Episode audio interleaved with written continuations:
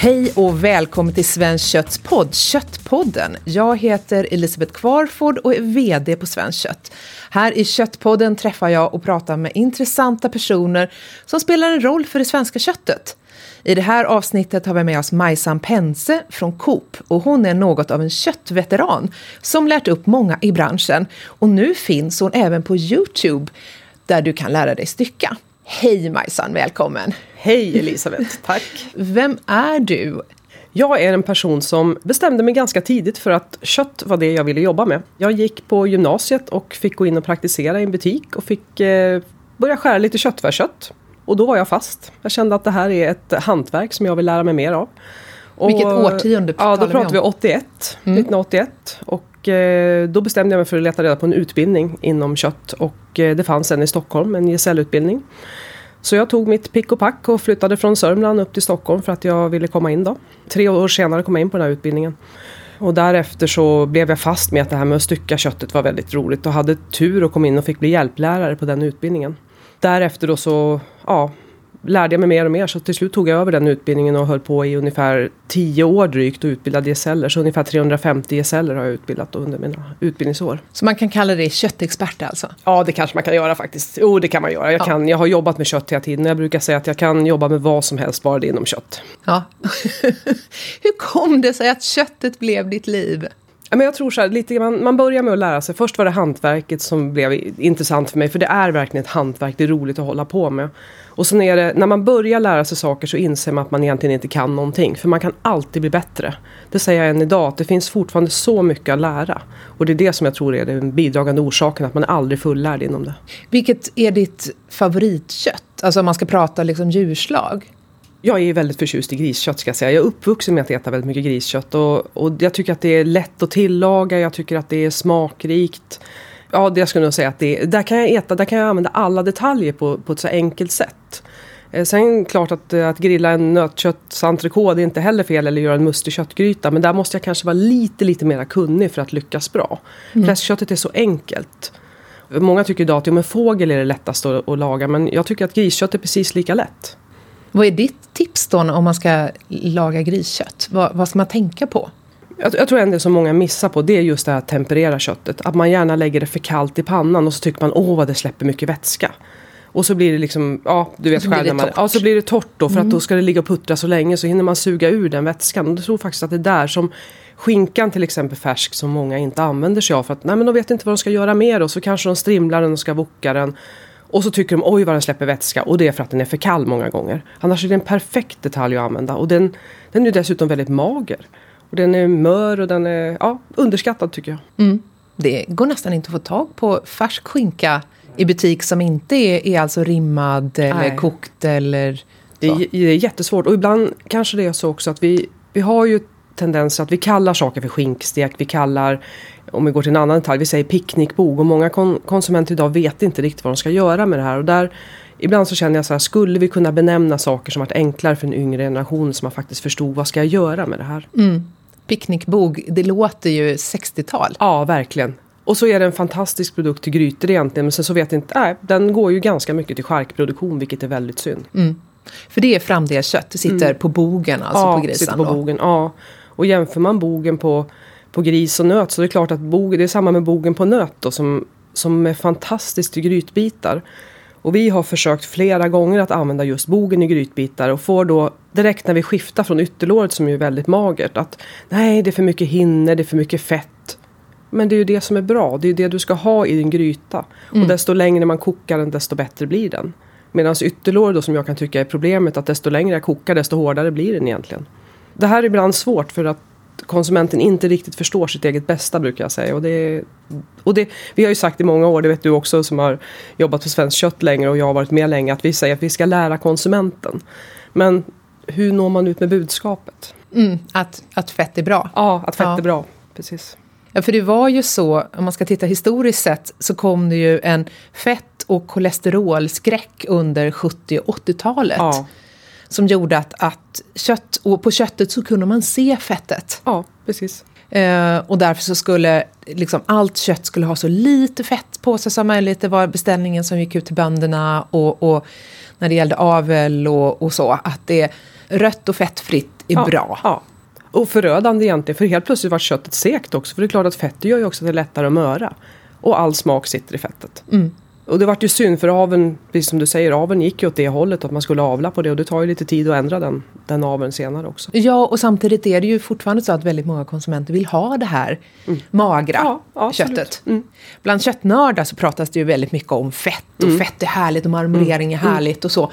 Men det är kanske bara 5 procent Precis. som pratar om det. Och det är oftast de bitarna också som kanske blir liggande kvar i köttdisken i vissa områden Ja men, ja, men så är det av absolut. Sverige. Så att, Visst är det så. eh, det är de bitarna som jag letar efter då, Ja. när jag är ute och, och handlar. Ja men man är ju glad om man hittar dem och så säger, säger man många gånger att Åh det är så gott att äta på restaurang. Ja, skulle man se den köttbiten innan hur den såg ut så skulle man bli förvånad över hur fet den oftast är. Jag kan säga själv, precis som du säger, att jag letar ju gärna efter köttbitar som kanske nästan är mera vitt än vad det är rött i. Eh, lite överdrivet, men nästan så att man söker ju att se verkligen det vita i köttet för att få, om vi pratar nötkött. Men även grisköttet är ju fint om det är lite fettstrimmer i det. Mm. Och eftersom man blir så mätt av det så kan man ju äta lite mindre då också. Ja, precis. Det är bra för nu idag så tror jag att många gånger så tror jag kroppen ändå suktar efter fett på något sätt och då äter man andra fetter istället som kanske inte alls är lika bra. Du menar chipsfetterna? Ja, chipsfetterna till exempel. Men du är alltså köttansvarig på Coop. Hur ser en vanlig dag på jobbet ut? Och den är väldigt intressant för den är väldigt blandad. Det är väldigt högt och lågt. Det kan vara att man träffar leverantörer som vill prata om sina sina sortiment som de tycker att vi ska ta in och det kan handla om att prata väldigt mycket med butik. Eftersom jag har jobbat mycket med utbildning så har jag tagit på mig rollen i våran grupp då, att jag åker väldigt mycket runt och utbildar butiker och försöker att lyfta kompetensen. För den har tyvärr inte blivit bättre, den har snarare blivit sämre. Både i ja, du vet ju själv i konsumentled men även i butiksledet. Och det finns väldigt mycket att göra så jag försöker förankra väldigt mycket av det som vi gör och förklara. Och, ja, det är svårt att få ut budskapet. Och sen är det jättemycket förankring internt med de beslut vi fattar.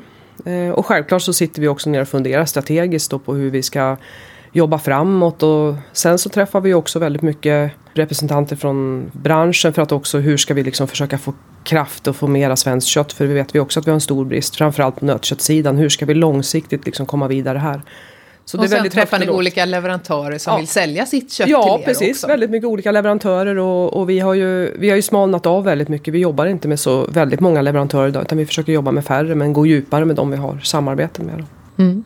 Men det är väldigt blandat men det är kul. Det är både liksom leverantörer och det är butiker och kanske inte så mycket direkt mot konsument för min del. Då. Det blir när jag jobbar extra i butik ibland då kan man träffa lite mer konsumenter. Det är kul. Hur ofta gör du det? Alldeles för sällan. Jag gör det varje jul i alla fall ett antal dagar och sen försöker jag vara ute rätt mycket och hjälpa butiker att plocka om och vara med för att se hur våra sortiment fungerar i diskar. Så det, jag men säg att det blir 5-10 dagar per år då, ungefär. Som man, Det- Du pratade lite om att ni vill öka andelen svenskt kött i era diskar. Om du skulle skulle beskriva det som du tycker är det fina med svenskt kött, vad är det då? Men det finns många, jag tycker man kan skilja lite på djurslagen. Om vi tittar på grisköttet till exempel så nu har jag själv suttit som produktchef en gång i tiden för grisköttet svenska och där kan man väl säga att vi är extremt duktiga på griskött i Sverige. Vi har en, liksom, vi har en väldigt bra uppfödning, vi har en väldigt bra liksom, kvalitet, ätkvalitetmässigt också på det här köttet och vi vet alla salmonellafriheten och så vidare. Och där tycker jag också att vi rent styckningsmässigt får fram väldigt bra delar. Det är väldigt fint, det är väldigt jämnt på något sätt.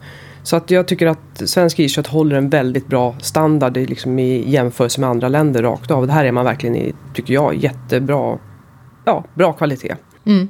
På nötköttet tycker jag där är det ju tragiskt att vi idag ligger så lågt. För det är klart att tittar vi på Och med lågt så har Ja, det är ungefär hälften importeras Ja, av precis det ungefär nötkött hälften vi äter. importeras. Och här kan man ju säga att det är ju inte riktigt så enkelt som att säga att hälften heller importeras. För vi, tyvärr äter vi ju inte riktigt anatomiskt. Och med anatomiskt menar jag att vi äter inte hela djuret. Vi har ett, jag brukar säga, filébeteende som är oroväckande. Vi, filén är en väldigt liten andel av djuret och vi äter extremt mycket filé. Jag räknade ut på gris faktiskt någonstans, om den här siffran stämmer, men alltså vi skulle behöva någonstans 350% självförsörjningsgrad för att klara filén på gris till så mycket som vi konsumerar.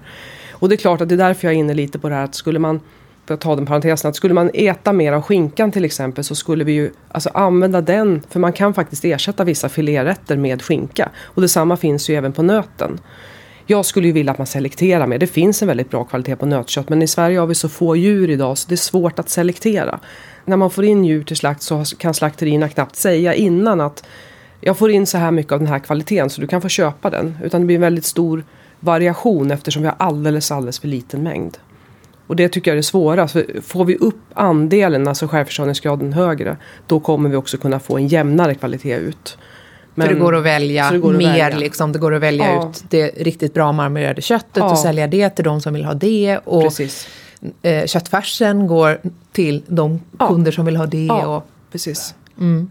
Och, och jag, jag, tycker det är viktigt för jag menar det är ju så att vi alla vill ha, vi alla vill se de här fina beteshagarna. Vi vill se det öppna landskapet, vi vill ha den biologiska mångfalden men får vi inte fart på nötköttsproduktionen och lammproduktionen då kommer det här att vara minne blott. För att det här är, jag tycker det här är jätteviktigt. Och jag tycker att det också är viktigt att här måste politikerna kliva in och förstå hur allvarligt det här är. För det tar också många år innan vi får fart på nötköttsproduktionen. Det är inte så som på gris går det ju snabbare. Men för nötkött tar det ju så himla lång tid. Ja, för att det är en, en ko som ska betäckas mm. och som ska gå med kalv och så ska kalven födas och sen ska kalven växa upp bli vuxen och sen gå till slakt. Ja. Och jag har varit mycket inne på det här när det gäller nötköttet så väldigt mycket av det idag kommer ju från mjölkproduktionen. Och det är inget fel för att en mjölkko är väldigt bra om man slutuppföder den. Men där har ju inte, idag har vi ju inte riktigt hittat system för det och kanske inte heller gett förutsättningar för bönderna att få ekonomi i en slutuppfödning. Och den tror jag är en viktig fråga att driva. Att väldigt många kor som skulle kunna ge ett fantastiskt bra kött ut mot konsument blir idag kanske inte riktigt så bra kvalitet som jag skulle vilja se. Och den frågan diskuteras ju väldigt mycket idag och det här gäller ju att ge redskapet för uppfödarna på något sätt. Mm. Det har ju kommit ett eh, kopensionat på småländska höglandet där en gård faktiskt har utvecklat ett system och, och byggt för just eh, slutuppfödning av eh, SRB-kor. Jätteintressant. Det är ju jätteintressant att följa hur det, hur det kommer att utvecklas. Mm. Förhoppningsvis kan fler ta efter det för då kan vi också se en man kanske dessutom kan avla lite mer på raser i mjölkproduktionen som ger lite mindre mjölk men i slutändan också ger lite lite högre kvalitet på slutprodukten ja, ytterligare då. Mm. Så det är ja, men jätteintressant. Ja, nej, men det är en spännande utveckling. Mm. Men om vi ska återkomma till det där med just kunskapen i butik. Vad är det som har hänt? Man kan säga att jag tror att det är många steg som har förändrats. Dels så har ju eh, Förr i tiden så lärde man sig lite hemifrån. Man lärde sig från sin mamma hur man lagade maten och lite grann om råvarorna. Och vartefter vi kvinnor har gått ut i yrkeslivet så är det klart att man lagar mindre mat hemma och man har fått en mindre kunskap i hemmet. Och sen har vi även i, i detaljhandeln, förr körde ju alla kedjorna egentligen utbildningar och det gör man inte riktigt i samma utsträckning idag utan de som kommer in och jobbar kanske ska jobba mer på alla avdelningar. Förr styckade man ju väldigt mycket i butiken, det gör man ju inte idag. Och det fanns manuella köttdiskar. Ja, precis. Och det är ju ganska få butiker som har det. Så nu har vi en konsumentpack som servar våra butiker med köttet. Mm. Vilket gör att man blir mer en varuplockare på något sätt. Självklart måste man kunna en hel del för att beställa hem men du jobbar inte med köttet hela dagarna. Och då blir det kanske inte heller att man satsar så hårt på att den utbildningen inom kedjorna i alla fall. Och, och som sagt man, man lagar ju mat på ett annat sätt och det ser vi ju i köpmönstret. Det är därför filébeteendet kommer också för man är ju väldigt osäker på vad man ska handla. Och då är man trygg med filén? Ja, då är man trygg med filén. Och jag, jag har stått mycket ute i butik när jag träffar kunder och, eller konsumenter och då, då kan man känna så här, men jag ska göra en gryta, jag köper biff. För biff, liksom, det vet jag att det är mört. Ja, men det är ju inte så bra. Det är ju väldigt dyrt för det första att köpa mm. och göra en gryta på. Det är inte ens en gång bra. Så man har tappat bort det här vad olika detaljer ska vara på. Det tror jag väldigt mycket att mamma har inte lärt mig det här. Och så är jag trygg med några detaljer för de vet jag, de funkar när jag steker. Då funkar de säkert när jag, när jag kokar dem också. Mm. Jag hörde om en kvinna som, som tyckte hon ville sätta guldkant på tillvaron så att eh, när hon skulle göra köttfärssås så gjorde hon den på oxfilé. Hon malde oxfilé. Och, och, det blir inget bra. Det blir inget bra. Nej, det gör det verkligen att man inte. Får, måste ju ha med fettet och bindväven ah, och så ja. ska det stå och puttra länge. Och, och sen är den vakuummörad så du har dessutom de här mjölksyrebakterierna i det här som faktiskt ska finnas där på en mörad köttbit men inte i köttfärsen. Mm. Och det, det, är klart att är man okunnig i butiken så blir det kanske också så att då, då är man ju inte tydlig på att lägga upp sitt sortiment på rätt sätt heller. Utan det kanske blir ganska enahanda där också. Man har väldigt många sorters biff och filé och entrecote men man missar den här andra delen att lyfta fram grytköttet till exempel. Ja, det, och, och, och, ingen kunskap om att i Sverige har vi faktiskt lite olika säsonger Precis. för kött. Så Ja. på hösten så är det ju lammsäsong Ja. för de lammen som har gått ut under sommaren och som sen inte ska in i stallet igen. Precis. Eh, och likadant med de ungdjur som kanske också har, alltså på nötsidan då, som har gått ut under sommaren och som inte heller ska in i stallet på hösten. Så vi borde ju liksom passa på att äta lamm och nöt. Ja, Svenskt lamm och nöt på hösten till exempel. Den enda säsongen man riktigt hittar till det är grillen för den är så tydlig. Och sen möjligtvis julskinkan och den kan man ju känna igen att den ska in i sortimentet. Men jag håller med dig. Och sen har man också tappat bort när, när jag jobbade i butik nu, visst det är väldigt länge sedan. Men då var det ju väldigt mycket att man skilde på måndag till onsdagsdisken och torsdag till söndagdisken. För man har ju lite andra köpmönster i början och slutet på veckan. Och den här har man också tappat bort lite grann. Så man, Man det- vill det- inte hålla på och flytta Nej, om. nej, man vill inte det. Och det, jag måste säga att ibland tycker jag synd om konsumenter för det är svårt att vara konsument. Att, och där känner jag att där har vi ett ansvar från, från våran sida som kedja att man måste ju förtydliga för konsumenten och då måste man ha kunskapen i butik. Svenskt Kött försöker ju hjälpa till med det här just kunskapen i butik. Eh, så att vi har ju tagit fram en digital köttskola, eh, köttskolan.se.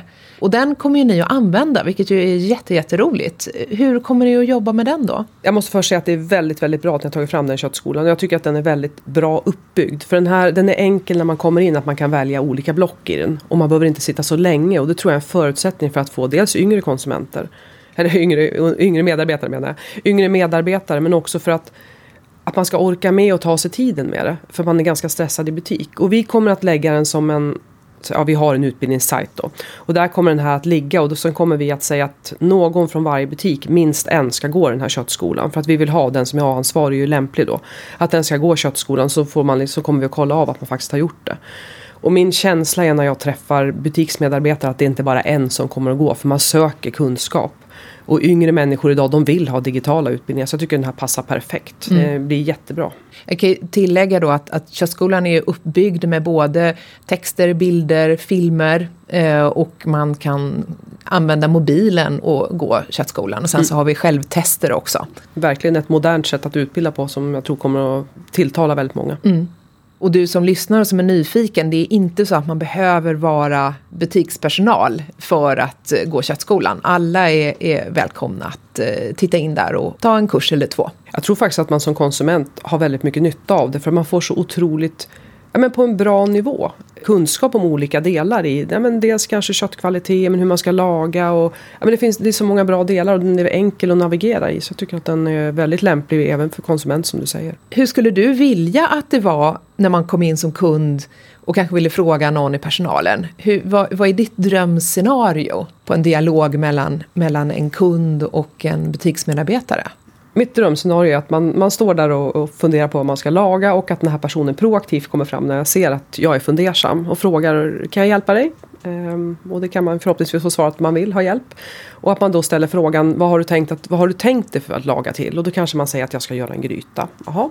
Och då kan man också ställa en fråga, okej vilken prisbild man har tänkt sig. För det finns ju ofta olika kvaliteter och olika priser. Och har du tänkt dig att du ska köpa det färdigtärnat eller kan du tänka dig att tärna själv?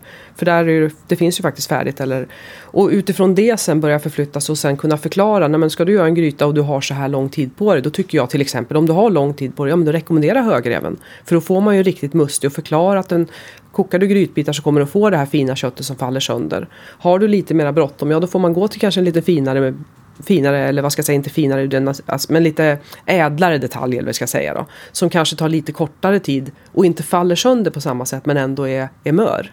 Att man kan liksom bolla med konsumenten just det här med tiden kontra hur man vill att köttet ska bete sig. Att man faktiskt, och när man går därifrån känner man wow, här fick jag faktiskt en förklaring, här kan jag gå in igen om jag ska ja, laga någonting. För då kan man också tror jag i alla fall, få konsumenten att våga prova annat. För man vågar fråga den här personen i butik. Och det är där jag tror till exempel saluhallarna är ju väldigt duktiga. Det är väl därför också många går dit och frågar när man ska laga lite mer avancerade maträtter. Så det är mitt drömscenario med att faktiskt vara proaktivt och sen att man kan bolla med konsumenten olika lösningar. Skulle jag vilja se. Då får vi hoppas att vi kan nå dit, även om det, det låter ju lite som, ett, som just ett drömscenario. Helt klart. Ehm, alltså det är alltid roligt med, med vetgiriga människor och det Väldigt är ju eh, konsumenter är vetgiriga och hoppas att även butiksmedarbetare är, är vetgiriga. Ja, och jag tänkte koppla till det också att man, man ser alltså, väldigt, matintresset är ju också väldigt stort och det kan man ju se de butiker som har matintresserade medarbetare då blir det ju ofta väldigt mycket bättre för ofta är man matintresserad som, som butiksmedarbetare då blir man ju ofta lite mer nyfiken på att fråga konsumenten vad tänker du göra, hur gör du det här? För det blir ju ofta, man kan lära av varandra ganska mycket. Och sen kan man ju samskylta också då. Ja. som det heter. Mm. Vilket innebär att man ställer olika ingredienser tillsammans mm. och presenterar en måltid. Att om du ska laga det här så tar du den här såsen, du tar den här köttbiten, mm. kanske de här potatisarna eller så. Och så får du till något riktigt härligt. Du är ju då köttgesäll och har lett eh, eh, utbildningar. Och du är ju oerhört eh, duktig på styckning. Jag vill bara tipsa om att på Youtube, så på Svenskt Kötts Youtube-kanal, så har vi lagt upp filmer om hur man styckar ett helt djur. Både på nöt, gris, lamm och kalv. Eh, och några av de djuren som, som styckas där, det är just majsan som styckar. Eh, och eh, om du skulle vilja ge ett, ett, tips till den som kanske har fått hem en, en köttlåda med större bitar och nu så står man där med kniven och, och ska få isär det här. Vad är ditt tips då? Men jag, jag, tycker som du sa, man kan gärna titta på de här filmerna för de är, de är väldigt illustrativa. Man ser ganska enkelt vad man ska göra. Och sen det viktiga är också att man tar det lite lugnt och inte får för bråttom. För att är det nöt eller någonting som är nötlikt, typ älg eller någonting annat, så det finns ju ofta väldigt mycket hinnor man kan följa och bara liksom försöka titta efter och, och vara lite noga när man gör det. För att det finns så väldigt många bra delar man kan plocka ut. Och sen är det självklart att eh, ha bra redskap. Se till att man har en väldigt vass kniv. För att det, det är faktiskt till och med så att det är ganska farligt att stycka med slöa knivar. Förslinter man då så kan man göra illa sig ganska mycket. Mm. Eh, så bra redskap, se till att man har bra utrymme för det och sen så titta på de här filmerna och ta lite pö om pö med det så att man faktiskt tittar och kanske gör det. För det är svårt att titta på filmen och säga åh nu har jag sett hela filmen och gå ut och styckar. Man kanske till och med behöver ha den här bredvid sig och se okej okay, nu gör jag det här momentet, hur gjorde man här? Okej, okay, man styckade ut innanlåret på det där sättet, okej okay, då gör jag det på det sättet. Och man ska inte ha den där stora feta kockkniven. Nej, definitivt inte. En, alltså en, hellre en ganska kort kniv. Jag, det där är ju lite individuellt och jag gillar ju korta knivar som har lite rundning i toppen. Vissa som styckar vill ha korta knivar som är väldigt raka.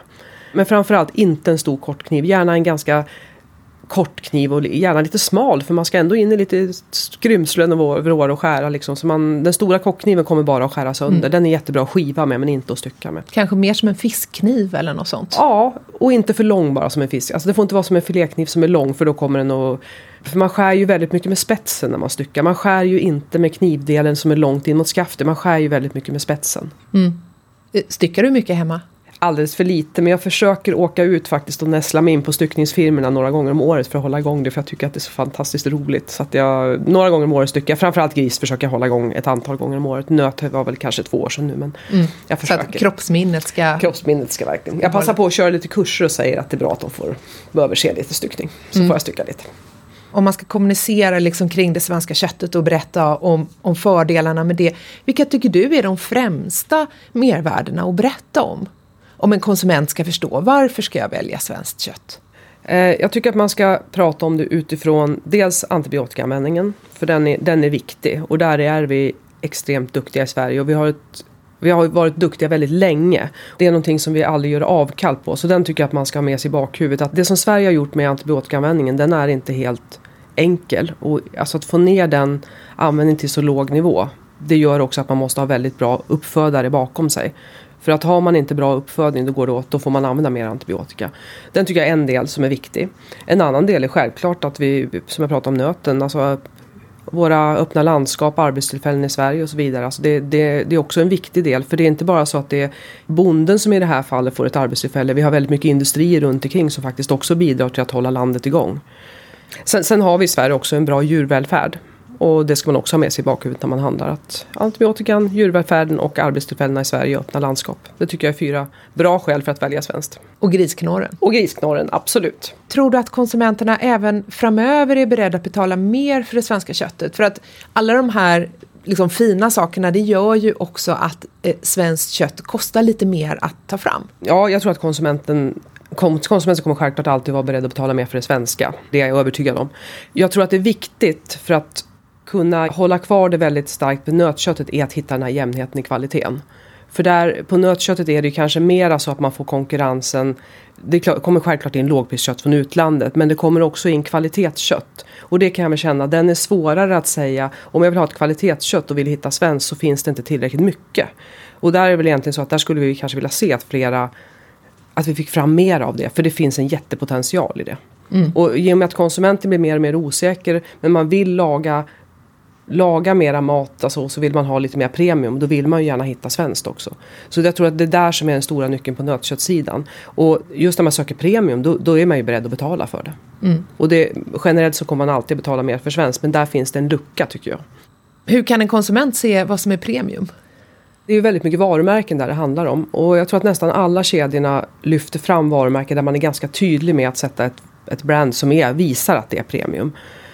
Ja, men jag måste säga, jag tror att det är ganska enkelt om man bara tittar just varumärkesmässigt att det finns de här utvalda som mer betonar att det är premiumkött. Antingen skriver man premiumkött eller så har man lyft fram något annat som är och de ligger ju oftast i lite mera antingen exklusivare förpackningar eller så säljs det manuellt. Mm. Är man osäker, där ska man absolut fråga butikerna vad, vad som är liksom ett premiumkött i det här fallet. Jag tror att en del av Köttpoddens lyssnare undrar så här, men ska vi inte ta upp den här kampanjen som Coop hade förra året med Kära köttbit eh, som ju väckte väldigt starka känslor hos eh, de svenska bönderna för att de kände sig utpekade i en eh, reklamkampanj där Coop ville att vi skulle äta mindre kött. Man använde bland annat bilder som var från Sverige och samtidigt så förknippade man det med regnskog som där träd föll och, och sådär. Vad fick du höra i samband med den kampanjen? Nej, men det är klart att det vart, det vart ju väldigt mycket synpunkter på den filmen och framförallt till oss som jobbar inom, inom köttteamet. Då. Alltså budskapets mening eh, var ju att sätta på kartan att vi kanske måste tänka efter hur mycket kött vi äter. Eh, sen blev ju tolkningen att Coop tycker att vi ska sluta äta kött, vilket var väldigt olyckligt. För det var ju inte det som var tanken, att vi vill att folk ska sluta äta kött. Men däremot att, att när du äter kött, välj ett bättre kött. Köp inte slentrianmässigt det billiga köttet. Liksom som, när, när du väl äter så ska det vara mera Välj bättre. När du gör en köttfärssås så kanske du inte bara behöver ha köttfärs. Du kanske kan blanda in lite mer rotfrukter. När du gör grytan, tänk på att också där ha rotfrukter. För att vi ser ju ändå att konsumtionen har gått upp ganska mycket de sista 15 åren. Jag kan ju jämföra lite grann med när jag jobbade i butik att priserna på köttet, är, nötkött framförallt om jag säger, är nästan de samma när jag jobbade på 80-talet som idag.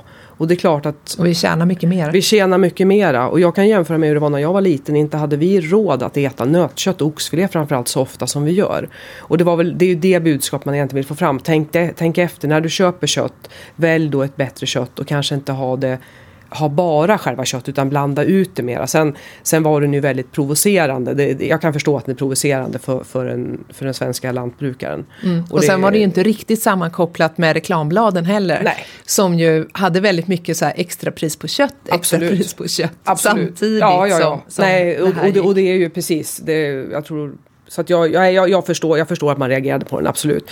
Märkte ni någonting med försäljningen på, på kött hos er? Nej, det gjorde, vi gjorde faktiskt inte det. och det är, väl, det är väl lite det man ser ofta med de här när det kommer sådana olika händelser. Så det kanske stannar av en kort tid men det går tillbaka. Men just utifrån den här märkte vi faktiskt inte någon. Men du har ju liksom en lång kötthistoria. Det är aldrig så att du har funderat på att bli kock eller ha en egen restaurang eller en egen butik eller så? Det, det jag har tänkt på, det, och det var för flera år sedan, då var jag faktiskt sugen på en egen köttbutik. Ibland blir jag sugen på att kunna men stycka ett helt djur och få, jag tänker lite som man kanske har haft i köttaffärer både i Schweiz och runt om i övriga Europa där du faktiskt står och styckar ditt kött och du pratar för det du har just då. Om jag har sålt slut på oxfilén då får jag prata för en annan del och få konsumenten att tillaga den. Och det, det är nog det närmaste jag kommer för det hade jag tyckt varit jätteroligt. Mm. Att faktiskt bara få stå och ja, men stycka upp det och inte få den här mängdförsäljningen utan mer den här kvalitetsförsäljningen och komma närmare kunden. Det hade varit jätteroligt. Det finns ju inte jättemånga renodlade köttbutiker. Då får Nej. man gå till någon saluhall eller så. Och det- det har säkert med hur Sverige är. Det är ett stort land, det är lite men det är ju egentligen bara riktiga som Malmö, Göteborg och kanske Umeå och Stockholm då. De här riktigt stora där man kan ha det. För klart så är det inte så många invånare på övriga platser. Det är lite synd för att det är väldigt trevligt att gå in i de här köttbutikerna. Jag talade med Lena Åsheim som är, sitter i LRFs styrelse och är köttbonde och hon tyckte att svenska köttbönder ska vara ute i butik så mycket som möjligt. Hur ser du på det? Jag tycker att det är jätteintressant och vore väldigt trevligt om vi fick se flera bönder i våra butiker. Vi har ju ett samarbete med ett antal lammproducenter i Värmland. Och eh, de är ute varje höst och står i butik. Och både bönderna och konsumenter men även butiker tycker att det är fantastiskt roligt att få ställa frågor och ja, men möta en bonde i butik. Jag tror att det är väldigt, väldigt, skulle vara väldigt, väldigt uppskattat. Är du ute hos bönderna på samma sätt? Jag är ute, inte jättemycket, men jag, är nog, jag ska säga jag besöker kanske fyra bönder om året i alla fall. Så jag försöker vara ute lite och det blir ju ofta via våra leveranser, alltså våra, de vi köper köttet från, att man åker ut eh, till, till uppfödare. Då. Mm. Men som kategorichef för köttet på Coop, hur långt bak i kedjan engagerar du dig? Går du ner till utsäde eller foder eller så? Hur fungerar det? Mm, det gör vi. Vi ställer ju ganska hårda krav bakåt. Vi, vi, till exempel har vi, ja, vi har ju hållbarhetsansvariga, vi har djuromsorgsansvariga och så vidare. Och där tittar vi till exempel på vad är det för foder? Är det GMO-foder? Alltså, vi tittar ju tillbaka till vad har de här de vi köper från bakåt, vad, vad, har de liksom gett sina djur? I Sverige är det ju enkelt för där kan man gå tillbaka och prata med till exempel LRF och fråga vad, vad har man liksom generellt för krav på det här till uppfödarna? Och sen ställer vi ju, när vi börjar handla så tittar vi ju oftast på att vi köper från till exempel den här leverantören som har slakten bakom. Vi försöker ju alltid knyta oss tillbaka så det finns, man själv äger slakten för att veta vad vi får in. Och då har man ju också en tydlig fråga till vilka uppfödare köper du ifrån här? Eh, så att eh, vi är ganska tydliga på eller vi är väldigt tydliga på kraven bakåt. Även vad det gäller foder och annat då. Vilka är de största utmaningarna tycker du, för både för köttbranschen men för köttbönderna i Sverige? Eh, jag, jag, tror, jag tror att den största utmaningen är att man måste känna tillit. För att det är klart att sänder vi från handeln signaler nu till exempel som jag pratar om ett premiumkött att jag vill ha en bättre kvalitet och de ska gå ut och investera, då tror jag att de också måste känna att ja men är det här långsiktigt eller när jag har fått den här nötköttsproduktionen igång här om två år har, har kedjan ändrat sig då så det inte finns en mottagare? Och det är väl här någonstans man, man måste hitta den här tryggheten för, för, för uppfödaren att jo men köparen kommer att finnas kvar här, jag kan gå in och satsa för det är ändå rätt mycket de ska satsa.